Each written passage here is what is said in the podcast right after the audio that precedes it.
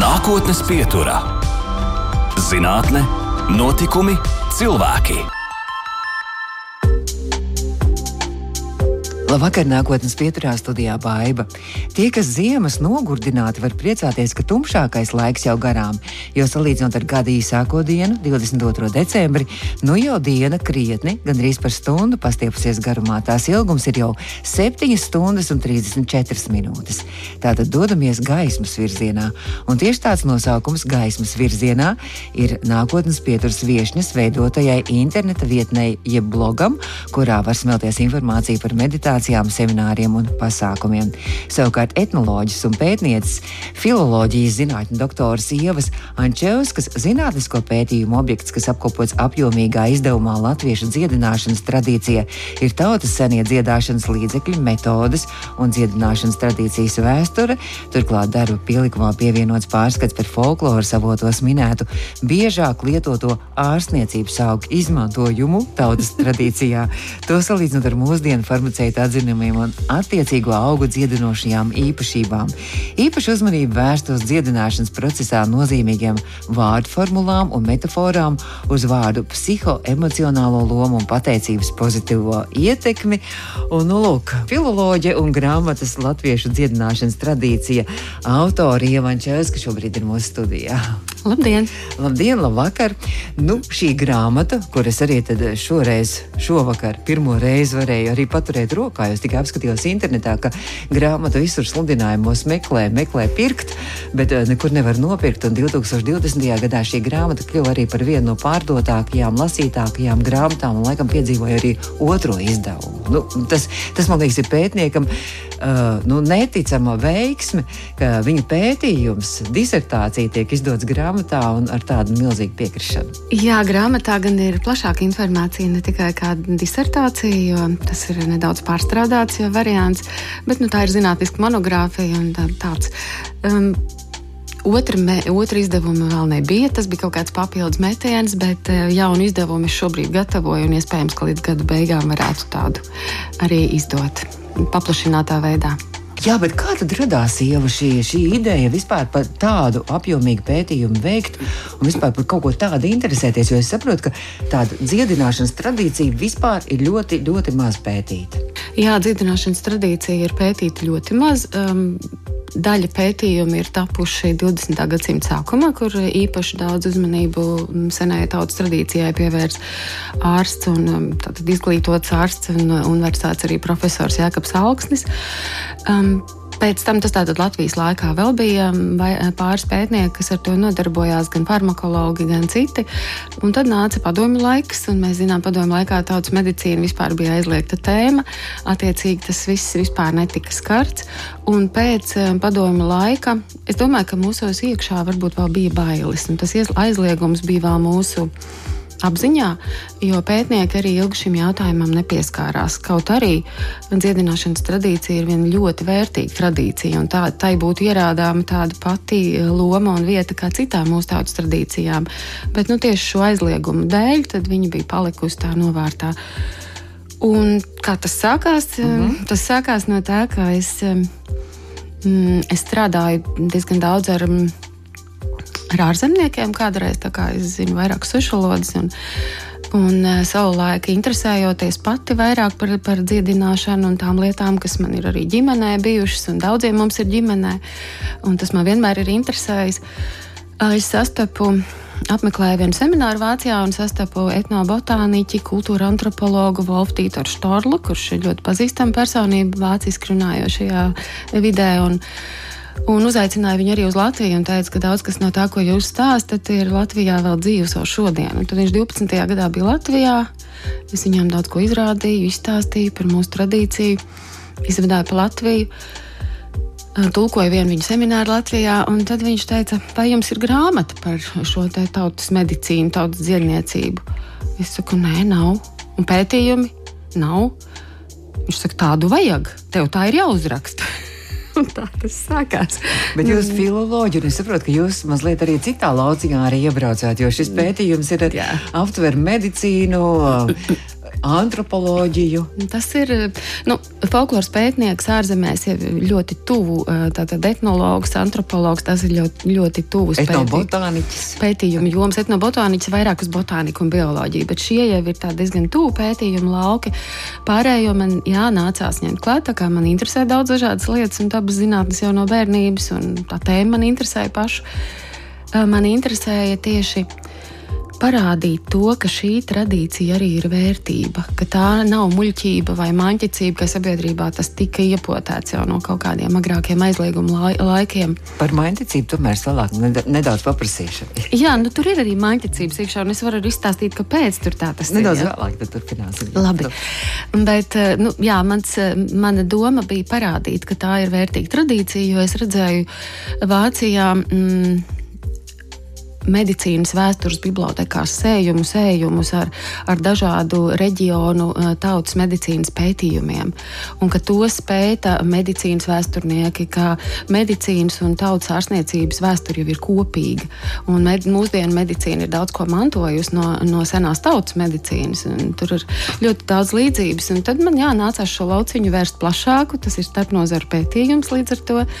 Un tur ir mm, visdažādākās eh, jaunās zinātņu nozares, kurās es dabūju ieskatīties tajos pētījumos, lai paskaidrotu pirmkārt jau pati sev, kā tas strādā, ja? un tālāk arī, lai, lai lasītājiem un pārējiem parādītu, kāds ir pamatojums, kā tad, jo mēs zinām, ka šī tautas ārstniecība cilvēkiem palīdzēja. Un man bija, manam modernajām prātam vajadzēja skaidrojumu, kā tas notika. Un tad ļoti jauki, ka ir daudz dažādu jauno zinātņu nozaru pētījumu, kas to pamato, piemēram, psihoneiroimunoloģija Mm, tad eh, mikrobioloģiju un, un, un daudz dažādi, ja tāpat arī farmakoloģija un tā tālāk. Ir daudz pētījumu, kuros var atrast uh, pamatojumu. Par dziedināšanu runājot, ko tad vispār nozīmē dziedināt? Skatījos tezaurā, ārstēt nozīmē panākt, ka dzīst, padarīt veselu, būt tādam, kam ir spēja darīt veselu. Kāds ir jūsu skaidrojums dziedināšanai? Nu, tas viss arī tajā ietilpst, ko es teiktu, atjaunot veselumu, atjaunot veselību. Un ļoti svarīgi ir tieši tā holistiskā pieeja, kas ir mūsu tautas tradīcijā, ka tauta skatīja cilvēku, redzēja cilvēka, cilvēka veselību, eh, kā mikrokosmu, makrokosmā, jā, kā dabas jau šai kontekstā, un eh, ļoti daudz ko tāpēc ņēma no dabas un uzskatīja, ka veselums kopā ir kaut kas, kas mums ir vajadzīgs ikdienā, lai mēs varētu izdzīvot, lai mēs varētu darboties, radīt, darīt šeit uz zemes. Jā, un tad turklāt tika ņemti gan šie tā skatīts viss kopums, ne tikai ķermenis, kā mēs bieži vien mūsdienās to reducējam, bet viss kopā. Tātad psiholoģiskais, emocionālais, plāns, sociālais, tātad viss, kas ir ap cilvēku. Un, ja paskatās atpakaļ vēsturē, tad tieši tāpat jau uz to skatījās arī Hipokrāts. Mm -hmm. Tikai mūsdienās mēs šeit aizmirstam to, ka Hipokrāts arī ir uzsvērs, ka, ka jāskatās ir viss kopums kādas ir attiecības starp cilvēku uzbūvi un to, ko tas ēd un dzer, kādas ir attiecības eh, ar, starp citiem cilvēku dzīves ieradumiem un kāda ietekme katrs no tiem atstāj uz cilvēku dzīvi. Un arī par vārdiem, par tām vārdu formulām un arī par šīm metaforām. Jūs arī tā, droši vien arī varētu arī kaut ko piebilst. Kādas ir tās dziedinošās vārdu formulas, kas mums būtu, varbūt jūs varat kaut ko iemācīt arī mūsu klausītājiem? kur jūs tās smēlāties un kur jūs meklējāt un kā, kā var atpazīt tās dziedinošās? Dziedinošās tā tad ir tās, kuras eh, cilvēku stimulē atjaunot to veselumu, iedod viņam um, spēku. Ja mēs sakām, jā, vārdotājs tur novārdo un, un, un vai iedod tur apvārdot ūdeni vai, vai sāli vai vēl ko, um, un cilvēkam kļūst labi, tad kas tad ir tā? Pamatā, kā tas strādā. Un tad man bija ļoti laba saruna ar vienu Ziemeļkurzmē, ar vienu vārdotāju, kur man stāstīja, nu, jā, tikai ar trešo reizi viņi man atļāvās kaut ko tālāk stāstīt. tad, kad viņi man jau uzticējās, viņi stāstīja, ka, ka jā, viņi iedod cilvēkam to ticību. Viņi saka, viņš man saka, nu, kā vientiņa pusē. Jā. Viņš man saka, ka viņš ir slims un viņam slikti, un viņam tas sāp un tas sāp. Un es viņam saku, nē, tu esi vesels, tev būs labi, tādā veidā ja? tas iedod viņam to ticību, to pārliecību, ka viņš var atjaunot to savu veselību. Tas jau ir, jo, nu, kā mēs zinām, arī no mūsdienu psihoterapijas pētījumiem, domai ir milzīgs spēks, un to pamato arī psihoneiroimunoloģija, arī šo visu vārdu e, emociju, domu spēku ļoti labi ar šiem pētījumiem var pamatot. To es arī grāmatā esmu salikusi. Mēs nu, paši jā. arī varam kaut kādu šīs uh, vārdu formulas. Pirmkārt, jau skaitīt. mēs, jā, protams, mēs varam sev atkādināt, ka es esmu vesels, es būšu vesels, jā, tādā veidā, un tad arī attiecīgi rīkoties. Ar, ar pliku runāšanu vien arī nekas nesenāks, bet arī domāt, kas tad ir tas eh, manā dzīvē, kas traucē tam, lai es būtu saskaņā ar sevi, lai es būtu saskaņā ar dabu, ar apkārtni, eh, kas tas ir, vai tas ir stress, vai tā ir izdegšana, vai vai tās ir kādas attiecības, kas man bojā veselību, jo tas viss atstāja ietekmi uz mūsu organismu un, un mūsu veselumu kopumā. Bet kas ir tie labie vārdi un kas ir varbūt tādi sliktie, bīstamie vārdi, kurus varbūt nedrīkst arī vispār vārdā nosaukt un skaļi minēt? Pavisam senajās tradīcijās bija vārdi, ko nevarēja saukt vārdā. Tāpēc, piemēram, čūska arī tika aizvietota bieži vien ar, ar, ar citiem vārdiem, tur kūlenis, ritenis un vēl kaut kā. Um, bet uh, galvenais ir, ir nevis ko, ko nedrīkst minēt vārdā, bet uz ko nefokusēt savu domu. Un tur ir man pētot šo tēmu, radās skaidrojums, kāpēc, piemēram, padomju laikā tik populāri kļūst tautas dziesma bēda man lielu bēdu. Un tā ka visiem jau pilnīgi apnika, vai nu, cik tā var mhm. dziedāt to dziesmu. Bet tā dziesmā ir būtībā ļoti laba, labs psiholoģisks pamatojums. Jo ko es daru ar to bēdu? Es viņu lieku zem akmens, zem akmens ja, un eju pāri dziedādām. Lai es to bēdu paliktu zem akmens, man pirmkārt tā bēda ir jāizņem no sevis, jāatdala no sevis. Ja.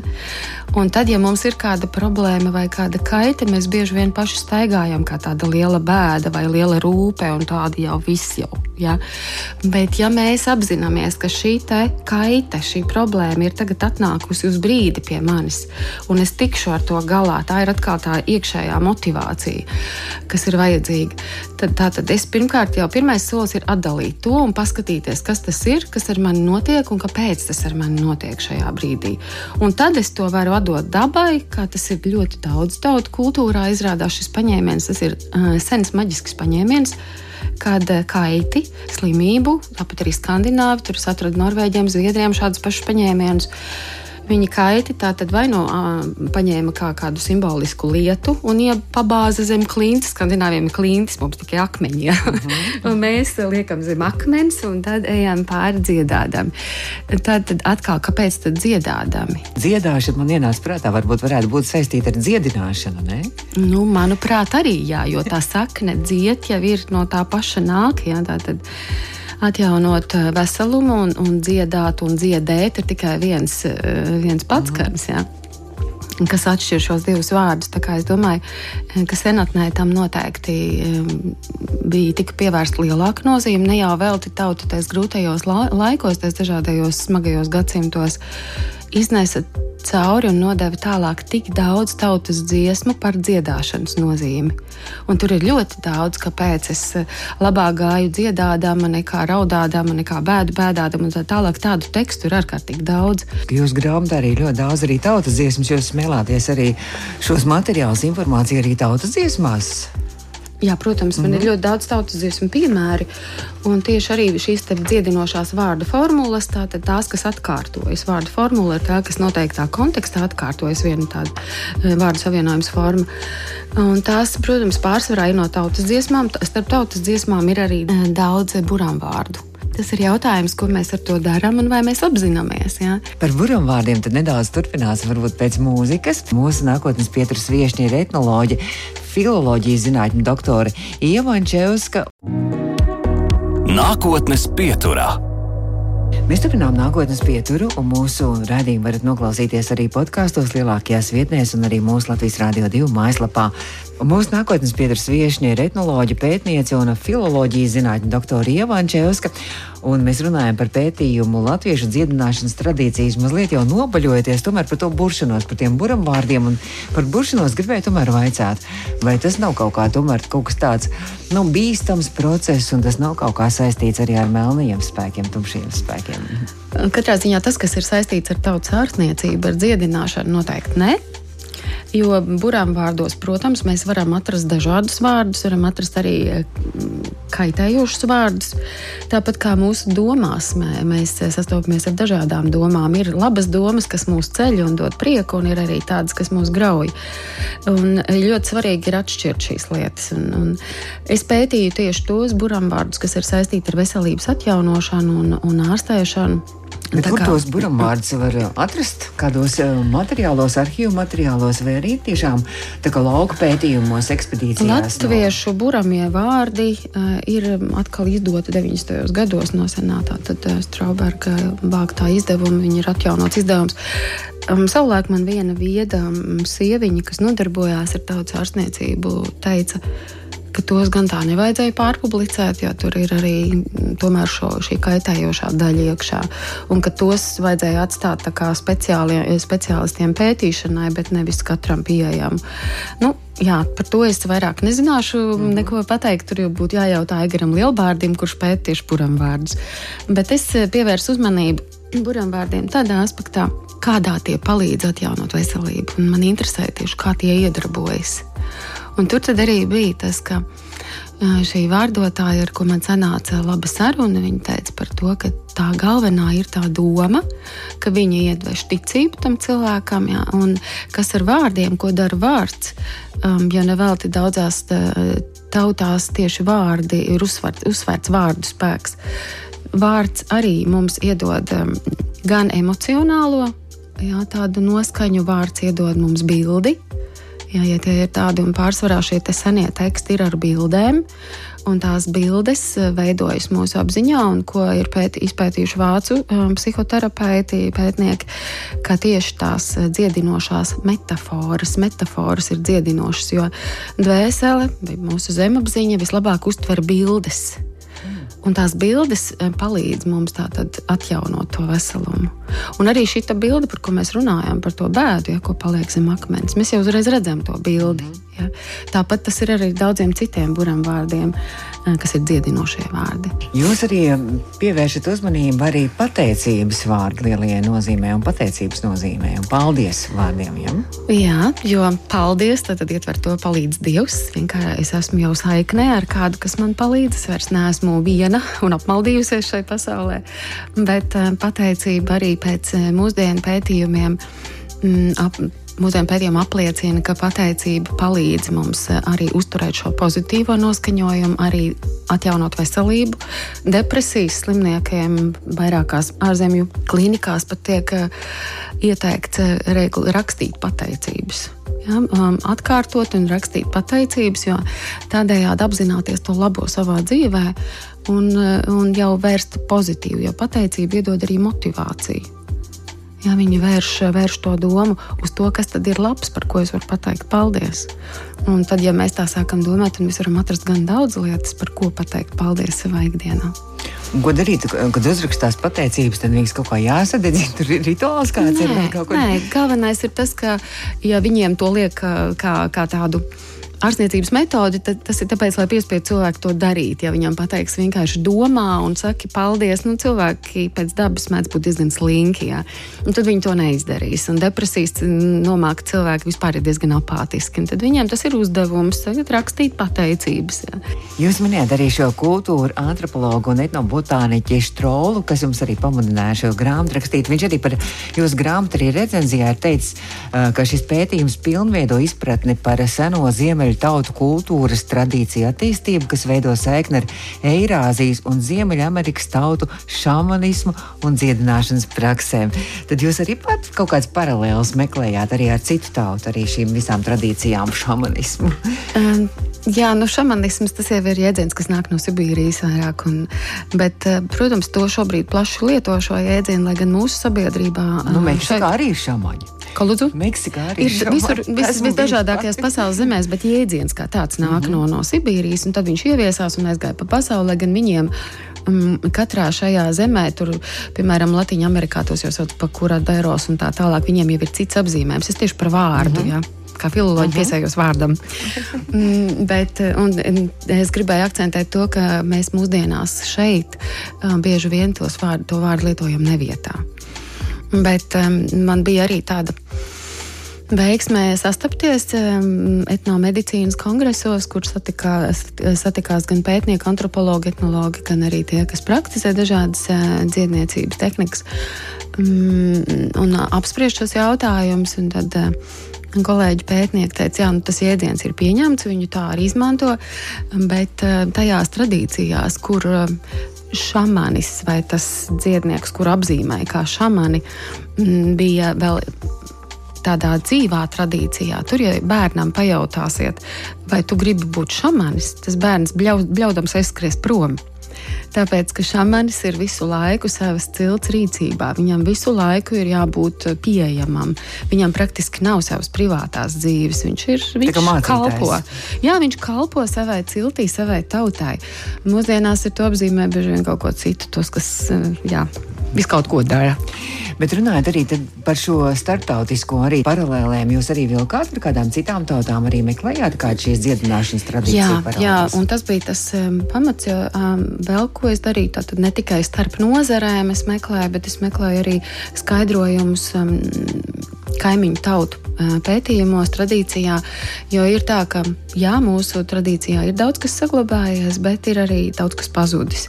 Un, lai tad atrastu to, tos skaidrojumus tam, kas vairs nav īsti pieejams vai kas nav pie mums piefiksēts, tad man ļoti palīdzēja Skandināvijas pētījumi, jo viņi ir jau agrāk savus, tauts, savu tautas ārstniecību pētījuši un izdevuši jau pētījumus Tāpat arī vāciskajā kultūras telpā, jā, gan Šveicē, gan Austrijā, Vācijā.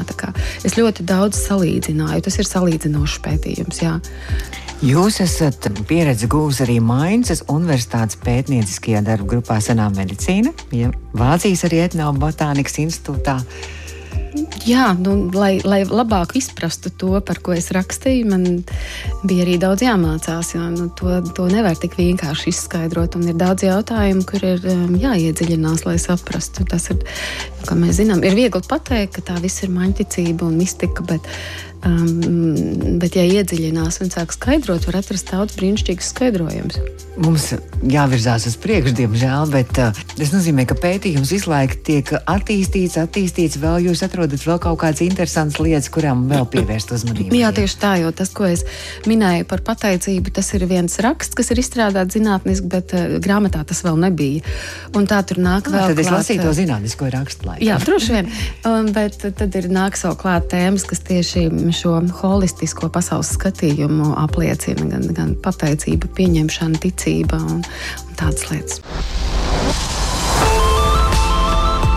Nākotnes pieturā - zinātne, notikumi, cilvēki. Nākotnes pieturas strauji tuvojas arī noslēgumam. Mūsu viesiņa ir etnoloģija, pētniece arī filoloģijas zinātņu doktora Ieva Ančevska. Un Ieva, jāpiemina arī tas, ka jūs esat arī ne tikai pētījis arī dziedināšanas tradīcijas, bet arī citādās jomās arī strādājis. Un Liepājas universitātes folkloras krājuma veidošana, apstrāde un digitalizācija arī tas bija viens no jūsu kādreizējiem arī zinātnieces, varētu teikt, pētniecības uzdevumiem arī.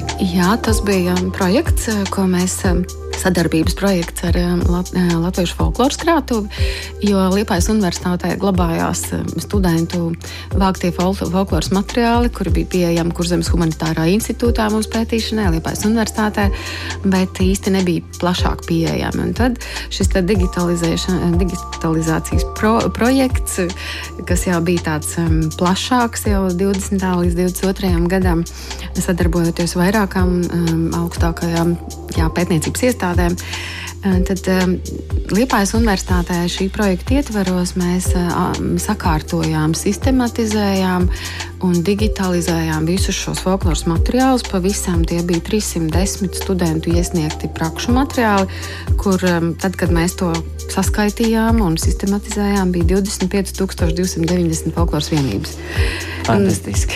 un, un, ja vēl padomā, ka katrai vienībai bija jāpieliek metadati klāt, ja tas nozīmē, bija jāapraksta kādam žanram, kam, ka, kas, kas, tā, kas, tā, kas tā ir par folkloras vienību, tad tas bija diezgan apjomīgs darbs. Jā. Es skatījos, ka jums ir arī tāds pētījums izdzīvošanas spēks un dzīves vērtības Liepājas Universitātes folkloras arhīva dzīves stāstos, tur laikam jūs pat arī kā lauka ekspedīcijās arī braucāt un arī aptaujājāt arī šos dzīves stāstus. Nu, jā, ekspedīcijā diskusijās es gāju diezgan daudz, jau arī savu, savu pētījumu taisot par dziedināšanas tradīciju. Mm, kaut kādu astoņu gadu garumā. Un tad, bet tā tēma, kas man interesē, ir tas, kas tautai palīdzēja izdzīvot. Un, un, jā, atkal es atgriezos pie tā, pie kā es nonācu arī jau pētot tautas ārstniecību. Emocionālais fons, tātad pozitīvas emocijas, un tur līdzās vēl arī prieks un dziedāšana. Jo mm. dziedāšana mums arī iedod pozitīvu emociju, un atkal satiekas šī abi. Ja? Un atcerēties arī visos grūtajos laikos, un cilvēks stāstīja diezgan daudz piemēru gan no Sibīrijas, gan no um, kara laikiem, kad viņi tomēr atrada brīdi, kad papriecāties, kad, kad būt saiknē ar dabu. Jā, tur parādījās tāds uh, spē, ļoti svarīgs aspekts - saikne ar dabu, ģimeni. Uh, un uh, darbs, kas sagādā prieku un gandarījumu, izrādās ir arī viena no dzīves vērtībām, jo tas iedod mūsu dzīvē jēgu. Noslēdzot mūsu nākotnes pieturu, tad uh, varbūt Ieva, mēs redzējām, ka kaut sākumā solījām. Jūs teicāt, ka jūs padomāsiet un pameklēsiet arī kādu šo spēcināšos arī šos vārdus. Jā, spēcinošo vārdu ir gana daudz, bet atgādinot par šo prieku, kam, kam ir liela nozīme. Viens piemērs piemēram, baile manu grūtu mūžu, bet lustīgu padomiņu, grūtu mūžu pavadīju ar lustīgu padomiņu. Tā kā mēs varam visu pārvarēt, ja mēs uzturam šo te, um, gaišo domu sevī un, un atrodam prieku savā dzīvē centīsimies. Paldies, pētniece Ieva Ančevska, šobrīd mūsu studijā nākotnes Pietras viešņa. Un Ieva, mums laiks atvadīties.